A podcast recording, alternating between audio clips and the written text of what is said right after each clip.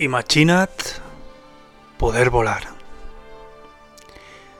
Imagina't fer-ho amb una nau que té gravetat artificial. Una nau que pot viatjar a velocitat quàntica, warp. Poder conèixer altres mons, altres races per tota la galàxia. L'emoció, el viatge, les amistats, l'exploració. T'imagines? Doncs a l'any 1966, Gene Roddenberry ho va portar a la televisió i va introduir al món a Star Trek. Després va vindre The Next Generation, Deep Space Nine, Voyager, també vingué Enterprise fent de preqüela i fins al 2017 no vam tindre Star Trek llevat de les pel·lícules de JJ. Doncs bé, al setembre del 17 es va estrenar Discovery, que no era Star Trek, sinó una altra cosa, amb el nom de la franquícia, però justament dues setmanes abans es va estrenar The Orville. I això sí, això sí que olorava al millor Star Trek, amb viatges, descobriments, personatges molt ben escrits i tota una galàxia nova per explorar. Molta gent, entre ells estic jo, diu que és la veritable Star Trek. La verdadera Star Trek és The Orville. El pròxim 10 de març s'estrena la tercera temporada i esperem que no la última d'esta sèrie que a tants es fa somiar. Amb aquest episodi vull fer una intro a la sèrie, intentar no fer spoilers, sobretot al principi, evidentment, i després analitzaré el primer capítol.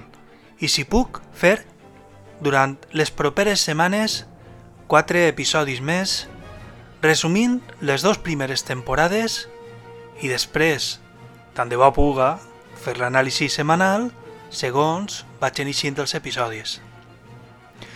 Soc Samu Gascó, això és Boig pel podcast i anem a fer una miqueta de teràpia amb The Orville. Abans de començar, i si vos agrada este podcast, vos agrairia que li doneu like o li doneu una bona qualificació, depenent de la plataforma, i també vos demane que se subscrigueu perquè així no vos perdreu cap episodi des que vaig iniciant sobre el que anem a veure, The Orville. Moltes gràcies.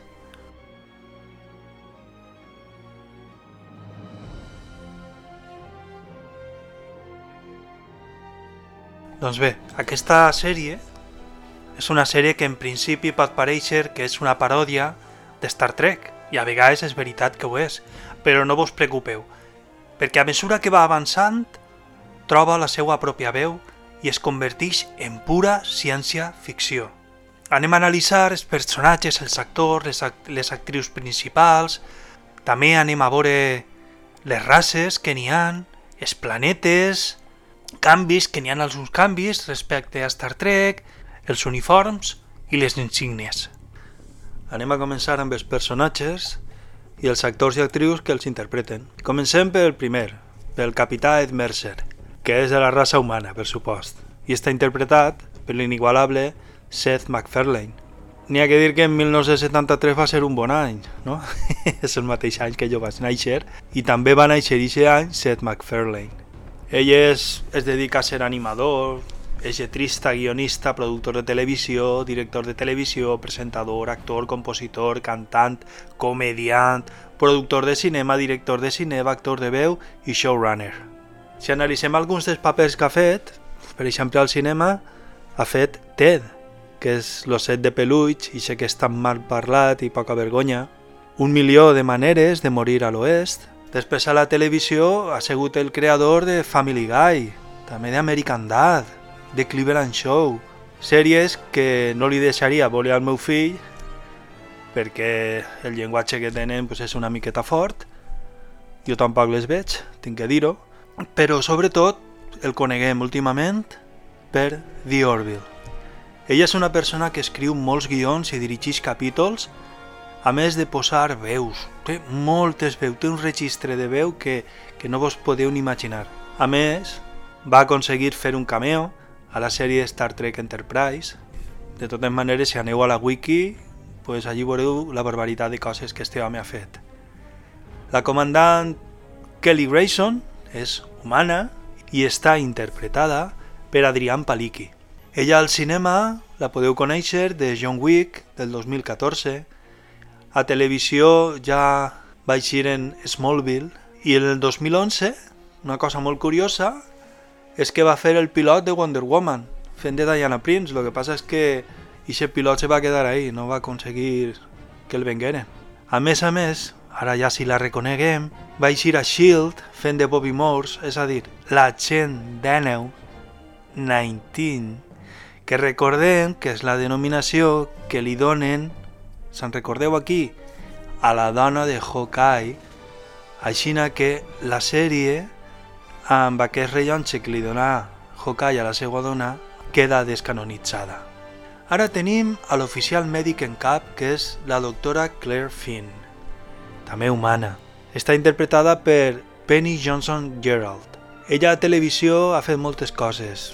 Castle, 24, però sobretot els més geeks la recordarem de Deep Space Nine, Espai Profund 9, on feia de la nòvia del comandant Benjamin Sisko. A més, té una veu molt bonica i ha posat moltes veus en sèries i pel·lícules. Ara tenim al tinent comandant Bortus, que ell és un moclà del planeta Moclus, està interpretat per Peter Macon, que ha eixit en Shameless i alguns altres paperets sense massa rellevància. Com a oficial científic tenim a Isaac, que és un Keylon, de Keylon One, està interpretat per Mark Jackson, que pràcticament no ha fet res. Ara tenim a Clyden, que és Moclà també del planeta Moclus, i està interpretat per Chad Coleman. Qui és Chad Coleman? Pues segur que el coneixeu, és Tyrese, de The Walking Dead, un dels que, que llegim els còmics estàvem esperant que arribara i al final va arribar, no recordé ara en quina temporada. També ha fet de Fred Johnson en The Expanse, i és que així tant Chad Coleman com Peter Macon, fent de Moclans, estan completament irreconeixibles amb el, a, la, a la pròtesi que tenen damunt del cap. Ara el Helmsman, és a dir, el timoner, el pilot, el conductor de la nau, és el tinent Greg Malloy, que també és humà i està interpretat per Scott Grimes. Ell ha posat la veu a Steve Smith, que és el fill d'American Dad durant totes les temporades. Els que vegeren Band of Brothers, ell és Malarkey, que és un dels protagonistes.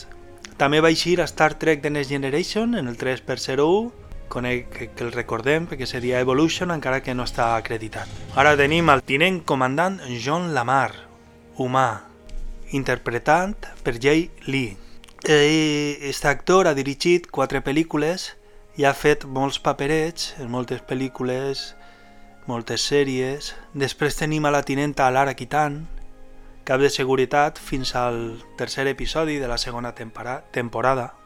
Ella és Shelayana, de Shelaya, el planeta, i està interpretada per Halston Sage. Ella ha fet algun paperet però principalment ara està en The Prodigal Son, on fa de germana del protagonista, que és Paul Robia, tot el coneguem a Paul Robia de Jesus en The Walking Dead. Després tenim a la tinenta Kala Keyali, que fa de cap de seguretat des de l'episodi 2 per 05 i està interpretada per Jessica Shore, que també és coneguda per llegit en Shameless, en Gossip Girl, sèries que no he vist. Ara pensem en la nau, que també és un dels protagonistes, evidentment, de la sèrie. The Orville. Per què s'anomena The Orville? Pues s'anomena aixina perquè uns dels germans Wright, se'n recordeu qui són els germans Wright? Els germans Wright, per si no se'n recordeu, són aquells que un 7 de desembre de l'any 1903, quan el meu iaio tenia un anyet, van fer el primer vol que està registrat. Pues bé, pues uno d'ells s'anomenava Orville i l'altre Wilbur. Per això, Orville Wright va ser un dels primers humans, junt amb el seu germà, que en realitat va volar. Ara anem a veure els secundaris principals. Tenim el tinent Jaffit. Ell és de l'espècie gelatina. No se sap per ara ni el seu planeta d'origen ni res. Però està interpretat, és a dir, li passa la veu, perquè això és un, un surongo de, de, de gelatina, per Norm MacDonald, que desgraciadament pues, fa molt poquet que va faltar per un càncer i encara que no el coneguem molt així en Espanya, ell sí que era un comediant molt reconegut als Estats Units, on feia molt de stand-up, també eixia en molts late nights, però principalment va estar en el Saturday Night Live del 93 al 98 i era ell l'encarregat de presentar el Weekend Update. Ara anem a l'almirall Halsey. Ell és humà també. Està interpretat per Victor Garber. El coneguem perquè a Alias feia del pare de Sidney Bristow, que era Jennifer Garner. També, en quant a les pel·lícules, el, el recordem de Titanic, on feia de Thomas Andrews, l'inventor del Titanic. Eh, I per als més geeks, a l'Star Trek de JJ té una escena eliminada, que evidentment seria un cameo, on fa d'un interrogador Klingon. I per supost, en l'Arrowverse de DC, fa de Martin Stein, Firestorm. La tenim a l'almiralla Osawa, també de raça humana, i està interpretada per Kelly Hugh. A lo millor el nom no vos diu res, però per a la meva generació és Cassandra, l'encantadora del rei escorpió. Ja se'n recordeu d'ella? Jo ja no dic res. A X-Men 2 també va eixir fent de Lady Deathstrike, quasi té les mateixes habilitats que Wolverine. També ha posat moltes veus a l'univers de DC i Marvel de dibuixets. Tenim un altre almirall, que és l'almirall Perry, que este jo crec que no necessita presentació, este Danson, el Sam Malone de Cheers, després va ser el cap de lo, del CSI en Las Vegas, i també en, en cinema el més destacat que va fer va ser el seu paper en salvar al soldat Ryan, per no mencionar una que va fer en Guppy Wolver, però bueno, això és un poquet especial. Tenim ara el tinent comandant Steve Newton. Ell és humà, està interpretat per Larry Foe Campbell i este actor ha fet tres episodis en la botxeria de Space Force que vos recomane, està en Netflix i és una barbaritat. Això sí que és una paròdia de principi a fi. També va eixir a Pacific Rim, però sempre que ha ho ha fet de secundari. Anem a analitzar ara les races i els planetes d'origen de les races principals de la sèrie. Primer tenim els humans de la Terra, que és un misteri, no sabem d'on venen. Tenim els moclans, que venen de Moclus. Esta és una raça que són tots mascles, en teoria. Tenen una pell de, de color marró clar, tirant també aixina cap a oscur. La seva característica més diferenciada és que tenen unes crestes cranials i unes taques cutànies que corren per tot el seu costat i també en la part superior del seu cap. Els moclans són una espècie que no té ningú pèl i això ho veurem després en un episodi super divertit. En quant al planeta, el planeta Moclus destaca perquè la seva superfície està completament industrialitzada. Com ells tenen molt d'aguant, poden aguantar un, un ambient així amb molta contaminació, doncs no tenen problema. Després tenim els Keylons. Els Keylons venen de Keylon One. No vaig a dir cap spoiler, només que és un planeta de robots. També tenim els Xelayans. Els Xelayans venen de Xelaya. Este és un planeta molt paregut a la Terra, però que té una gravetat que es calcula que és 15G. És que veien Goku sabem, no? Que cada G vol dir una vegada la gravetat de la Terra. Pues té 15 vegades més, aproximadament, més gravetat, més gravetat que la Terra. I si no vas amb un tratge especial quan estàs en el planeta, pues te quedes pegat a terra te trenques els ossos perquè no pots aguantar-ho. Això fa que els xalallans tinguen una força extraordinària. Tenen un aspecte humanoide, amb unes orelles puntiagudes, no? com si segueren elfos, però estan sagnades, i també tenen unes crestetes al front i als ponts del nas. Molt bé, ara tenim els Krills. Els Krills venen del planeta Krill, tampoc s'han calfat massa al cap, ells són una espècie humanoide reptil, tenen una pell molt dura, escamosa, amb tres crestes osses que recorren els seus cranis. La seva alçada i força és pràcticament la mateixa que els humans. Els mascles tenen dos protuberàncies òsses de la base de la barbeta, anomenades banyes de la barbeta. El planeta Krill és diferent dels altres mons habitables perquè està permanentment envoltat per una densa coberta de núvols que enfosquix el 96% de la llum solar de la superfície del planeta. Com a resultat, l'espècie krill ha evolucionat per tindre la pell pàlida, els ulls foscos i una gran sensibilitat a la llum. Space Vampires! Ho volem més avant.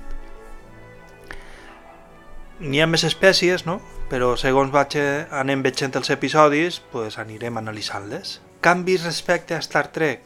També ho veurem segons analitzem els episodis, però per exemple, la Unió Planetària no té la tecnologia de teletransportació que té la Federació. La Unió Planetària. Després veurem que sí que n'hi ha un planeta que la té. Però bueno, com dic, en cada episodi anirem analitzant-lo. Uniforms insígnies. Les insígnies que porten tots són redones, blanques, i tenen un dibuix que correspon al color del mateix uniform que porten. Per exemple, el color blau és el color del comandament, té unes estreles de fons i davant té com un coet format per dos mitges circunferències unides des de fora cap al mig, una cosa així molt rara. Els que van de color roig és perquè són els de seguretat. I la seva insígnia és com una espècie d'escut en la forma del Boca Juniors argentí, si es feu així una idea, i damunt d'ell pues, té tres línies amb un angle de 20 graus que apunta cap al centre. Els que van de verd són els de ciències. És tots tenen l'insígnia més bonica, que és una creu verda com la de les farmàcies, i al centre tenen el dibuix d'un àtom. Ara, els taronja, que són els enginyers. Estos tenen dos circunferències interiors amb unes rosques o tuerques, no? com diguem en, xurro, en, en, en, mig en xurro, i ara ja anem a l'últim, que és el del color morat. Pot ser lila, pot ser violeta, pot ser morat. Jo no tinc aquesta capacitat per a distingir-ho que és el que porten els almiralls. Tenen una insígnia de comandament i cinc estrelles en els muscles. També tenim el color gris. Pues això ho porten els tripulants, no? els crewmen. I els tenen des dels alferes cap avall. Alferes és ensign. Això és alferes. Jo tampoc sé molt de militars, però bueno, això ho he buscat des de fa temps per la meva afició a Star Trek això, aleshores, quan veiem ensign, quan diuen ensign, pues això és l'alferes. Pues d'ahir per baix, tots van de gris i porten la insígnia del lloc on treballen de la nau.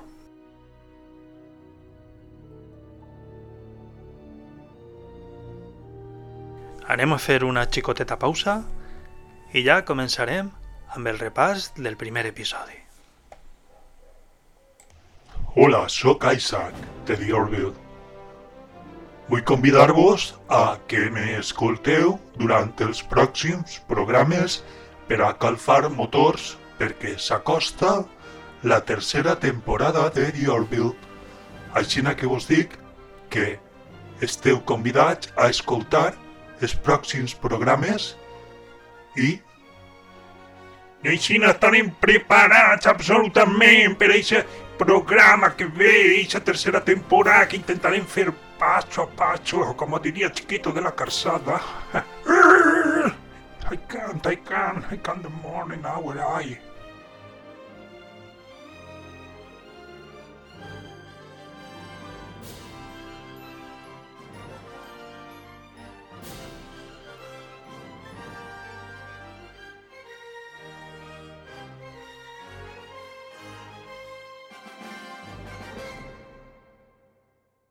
Anem a començar ja el repàs dels episodis. I comencem amb l'episodi número 1, titulat Old Wounds. En valencià, ferides antigues, o antigues ferides. Estem en l'any 2418, en Nova York. L'estàtua de la llibertat està completament rovellà, igual que ara, però més estropeà. El skyline veiem que és una miqueta diferent i tots els edificis tenen vegetació en les parets, també en les terrasses. Pareix que s'ha complit, s'ha fet realitat en aquest univers l'utopia que Gene Roddenberry dia al seu Star Trek. Ara comencem amb el comandant Ed Mercer. Ell torna a casa i es troba a la dona, la també comandanta Kelly Grayson, interpretada per, recordem, Adrián Palicki, que està al llit amb un alien blau com un barrufet. És un reptesià del planeta Reptèsia. I qui és l'actor? Doncs Rob Lowe, que fa de Darulio. Encara que no el vaig reconèixer en aquest moment, i vos tinc que dir que quan ho vaig veure vaig estar a punt de tancar-ho, només a començar la sèrie, deixar-la estar, perquè a nivell personal vos confesse que estic una miqueta traumatitzat perquè a mi em va passar el mateix que a Ed Mercer. No es va pillar, però ella, la meua ex, se ho negava contínuament fins que altres pues, sí que la van pillar. I en el meu cas no va ser per no atendre-la, com en el cas d'Ed, sinó per la vergonya que li suposava tindre un espòs malalt de depressió. Si m'hagueren faltat les dos cames i un braç, no crec que l'havera avergonyit tant. Com vos dic, vaig estar a punt d'abandonar la sèrie quan en eixe moment Darulio amolla dos dolls o xorros de tinta blava pel cap i em vas pixar de riure. Ella va rere d'ell, vol parlar en ell, però ell no la vol ni escoltar. Ed, Ed, wait, please. Ed, Nope. Ed, just nope, listen to me for nope, one whatever second. Give me a minute. Let's just talk, Hell, please. there's nothing to talk about. Yes, there There's is. nothing this, at all to talk a about. mistake. Just I'm give me done. one minute, Ed. I'm done. Ed. Ara ha passat un any i l'almirall Halsey el crida per donar-li la bona notícia de que li han assignat una capitania, una nau mitjana d'exploració, The Orville, que encara que no se mereix perquè no està complint amb la seva feina durant l'últim any, inclú, inclús l'han denunciat per anar amb ressaca unes quantes vegades, doncs hi han 3.000 naus i necessiten capitans dir que Ed Mercer, pues, quan estava en l'acadèmia, va tindre unes qualificacions impressionants, així que aleshores han decidit confiar en ell.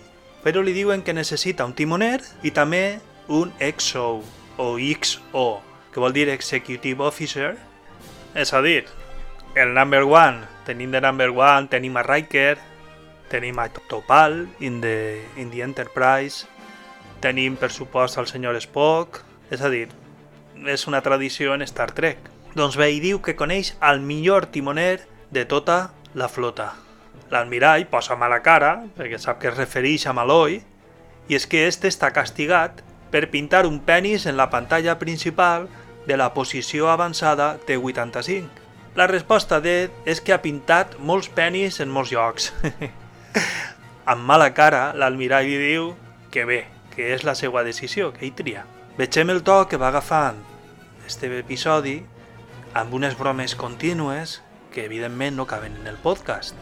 Pues ara va a buscar al seu amic, a Maloi, i este està en el holodeck jugant a pelear amb espases contra un ogre samurai.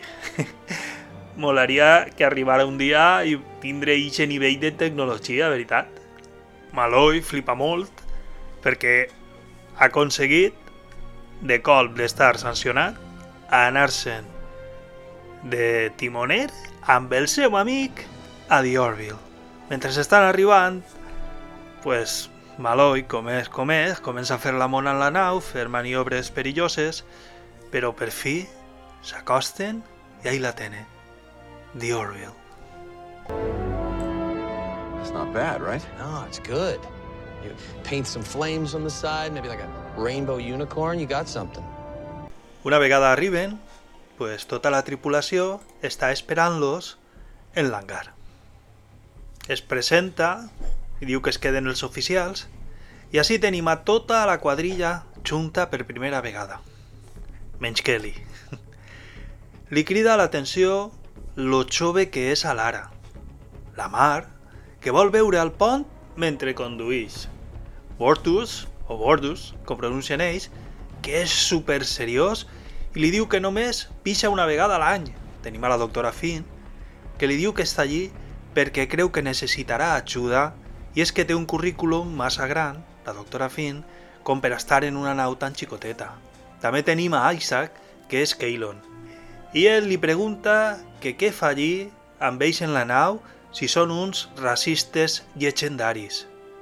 Isaac li diu que ha sigut escollit per estudiar el comportament humà i apropar el seu planeta a la Unió Planetària. Li recorda, no té abuela, que ell és el millor oficial que té a la nau. Ara anem a veure el principi d'una gran amistat, com diuen, com diuen a Casa Blanca. La Mar visita a Malloy per veure si és un imbècil, ja que serà el seu company al pont, i este li diu que és ridículament imbècil. Gonna work out great. Gordon Malloy. John Lamar. Oh. Se fan unes quantes bromes i ale, ja són els millors amics.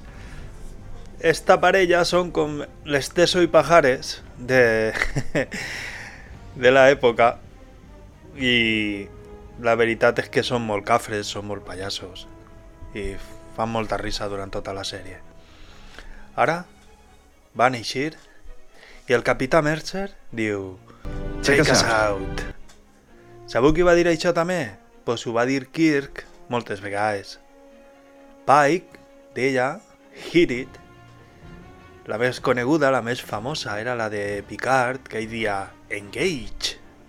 La capitana Janeway dia Do it. La capitana Freeman, de Lower Decks, diu Warm me.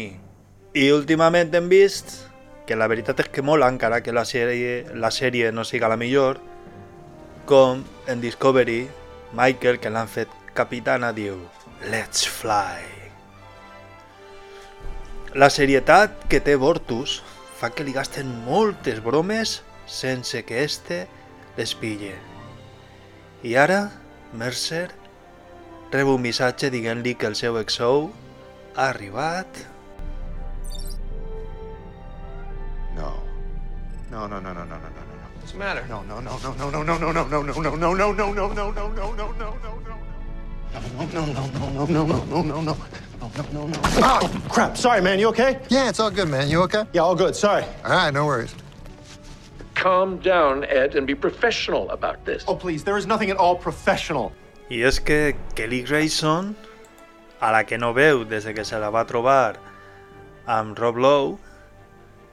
és qui ha sigut assignada com la seva number one. Malloy els explica a tots els que estan en el pont que Kelly és l'ex de Mercer, l'insulta i els explica com ella li la va pegar a ell. La tensió és grandíssima. Ella li demana perdó pel que li va fer i diu que ha sigut ella qui ha demanat el lloc i ell, al veure que damunt és ella la que vol estar en ell, allí es cabreja molt. Comencen a discutir, a mullar-se coses a la cara i ella li diu que tranquil, que demanarà la transferència a una altra nau. Ara, quan acaben de parlar, ella es troba en Malloy i tenim una conversa molt incòmoda. Tensa, però en aquest tipus d'humor característic que fa Seth MacFarlane i que et porta al límit com a espectador. Ara vegem que arriben al planeta Epsilon 2. En teoria, teoria, per portar subministraments. I ara el doctor Aronov li diu que no es necessiten, però que vol parlar amb ell. Este doctor Aronov està interpretat per Brian George, un actor que sempre fa d'indi en moltes pel·lícules, sèries. Últimament l'hem vist a The Expanse fent de l'home d'Abassarala. A Deep Space Nine feia del pare del doctor Julian Bashir. I on s'ha fet super famós és en The Big Bang Theory, on també feia del pare de Rajesh Kuthrapali. Veurem molts actors habituals de Star Trek. Ara baixen al planeta. Qui baixa són a Lara, Kelly i la doctora Finn. I quan Mercer es presenta al doctor Aronov, diu a Lara, Kelly, tal, diu el rang i diu And my ex-wife, Kelly Grayson. I'm his first officer. Una vegada entren en el recinte, coneixen al doctor Jorvik, que és el cap de botànica. Una nova espècie. No se sap quina espècie és, que va nedant com una anguila i que té tres ulls. Abans hem vist en la nau a Jafit, que és una espècie de gelatina, i sense voler el capità el xafa i el desfà una miqueta, però no passa res, ja que ell es torna a unir. És com si seguera un Bambi Blue o alguna així, que era una cosa que jugaven quan eren xicotets. Es diu que han creat una llavor d'una sequoia que pot créixer en qualsevol lloc, inclús estar cent anys sense auia. La sequoia, n'hi ha que dir, per a que entenguem, és l'arbre més gran que existeix. La més alta fa 115 metres. Pensem, una finca de vora 40 pisos, mireu pa cada dalt i imagineu, així d'alta és la sequoia. I té un perímetre de circunferència de 31 metres, que no sé ara mateix a quin diàmetre seria, però el que li pega a la volta seria l'equivalent, tornem a mirar pa cada dalt, a 10 pisos. És a dir, és un arbre que en la Terra és impressionant. Ara anem a veure així una pistoleta de Chekhov. I és que li diu, li ensenya les llavors, li dona unes quantes, ells les tasta, se les prova, la, se clava alguna en la butxaca, diu que se poden menjar com a snack. Li confessa que els s'ha enganyat per por a que els Krills li interceptaren la comunicació. Li presenta a la jove científica que treballa amb ell i un dispositiu que genera una bambolla quàntica on s'accelera el temps. Claven una banana i esta es podrix, perquè ha passat un mes en uns segons només. Qué poeta me salió. Li pregunta si la bambolla també pot anar enrere per canviar males decisions del passat, com no casar-se. I tenim que pensar en l'últim episodi que hem vist, en l'últim de la temporada 2, en això que diu ara sí Mercer. Però en realitat aquest descobriment és molt gran, perquè pot ser la cura per a la fam, pot accelerar la recuperació de ferides. Mentre s'intenta avisar a Bortus perquè comunique amb Union Central, el centre de comandament de la Unió Planetària, un dels científics agarra i amb una pistola en la mà li fa tallar les comunicacions. Agarra un walkie-talkie, perquè són molt moderns en aquesta època, i avisa Skrills. Hi ha un xicotet rifirrafe i la jove científica cau d'esquenes sobre la bambolla i envellix 100 anys de sobte. I per supost mor. En eixe moment arriba un destructor Krill, que és 10 vegades més gran i envia dos llançadores cap al planeta. Ells recuperen la situació a terra amb la superforça de l'ara, però molts Krills abaixen de les llançadores. Lluiten per fugir i salvar el dispositiu que crea la bambolla quàntica. I un detall és que els Krill, que esperen fora, porten un casc que els cobreix tot el cap perquè no els pot pegar el sol.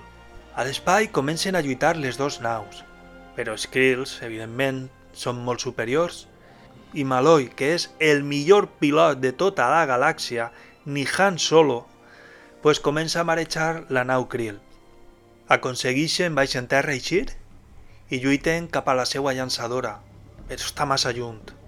Aixina que a l'ara pega un bot com els que pegava Clark Kent a Smallville amb l'aparat ben agarrat en la, manet, en la mà i mentre li disparen a ella, doncs tots els demés tripulants aprofiten per a córrer cap a la nau en una lluita molt poc creïble perquè els Krills fallen més que els Stormtroopers.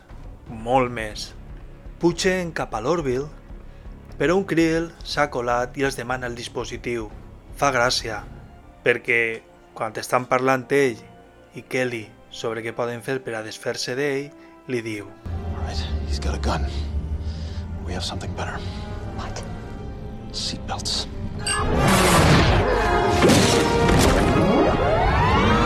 I clar, així està fent una molt clara referència a una cosa que portem preguntant-nos estrequis des del principi dels temps i és per què si estan tan avançats en el futur no tenen cinturons de seguretat en el pont. I clar, és que inclús en, en un dels últims episodis de Star Trek Discovery veig eren com entrar en un camp de d'una ona gravitatòria i s'estamparen contra el sostre, anàvem pa a dalt, pa a baix, tot un munt de, de, de tripulants ferits, i això que això estan 1.500 anys, crec, des d'ací en el futur. Així que, com hem sentit, peguen una frenada i el Krill s'estampa contra el parabrises. recuperen el control i amb una maniobra impossible de Malloy arrepleguen la llançadora amb la nau. Ara Malloy li diu a Bortus que com ho ha fet tan bé, s'hi pot portar pantalons curts en el pont. I Bortus, que no pilla ni una, molt serio li diu no. Intenten negociar amb els Krill i per entretindre al capità de la nau Krill li diu que Kelly és la seva ex i que li va posar les banyes. Ella diu, ja hi ha prou! I li pregunta al Krill si està casat. I ara ve una conversació molt absurda amb el capità Krill sobre el matrimoni, però que fa molta risa. El Krill aleshores es farta i es dona 20 segons per donar-li el dispositiu. Kelly, en aquest moment, té una idea i envien amb la llavor que abans Mercer, la pistoleta de Chekhov, s'havia posat en la butxaca, el dispositiu amb esta llavor pegada amb silicona. I quan ara li donen el còdic d'activació...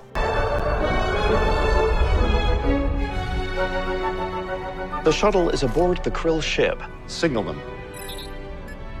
All right, Commander, you have it. Excellent. Now, give me the activation code. The code is 6 Alpha 937 Alpha 300. Happy Arbor Day.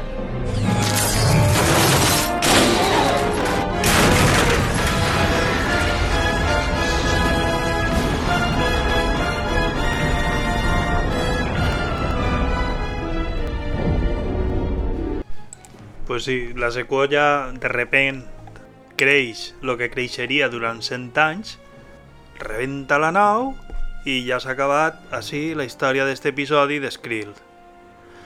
Ara vegem que Kelly parla amb Mercer i li diu que ja té joc en una altra nau i que a The Orville vindrà un altre XO. Ell li diu que ella sempre ha arreglat els seus propis problemes millor que ell mateix i li demana que es quede. I ella, clar, es queda. I ara, per a gran sorpresa, tenim una última escena on Kelly li dona les gràcies a l'almirall Halsey per haver-li donat la capitania a Ed. I amb aquesta sorpresa, que ha sigut ella qui li ha aconseguit ixa capitania, doncs s'acaba l'episodi. Añadir un xicotet recordatori i és que l'acadèmia on entrenen els militars és Union Point, que equivalix a la Starfleet Academy, és a dir, l'acadèmia de la flota estel·lar, i de Planetary Union, la Unió Planetària, és el que seria en Star Trek també el, la flota estel·lar, estel·lar, Starfleet, de la Federació. Li canvien els noms, però com dic és el veritable Star Trek. Aixina que, el que vos he dit, vaig a fer un esforç molt gran a veure si puc fer la prèvia en tots els episodis de la sèrie abans del començament de la tercera temporada. Si vos agrada, pues, doneu like, subscriviu-vos, ja sabeu, el que pugueu fer per ajudar. Moltíssimes gràcies. Soc Samu Gascó i hem fet una miqueta de teràpia. Adeu! thank you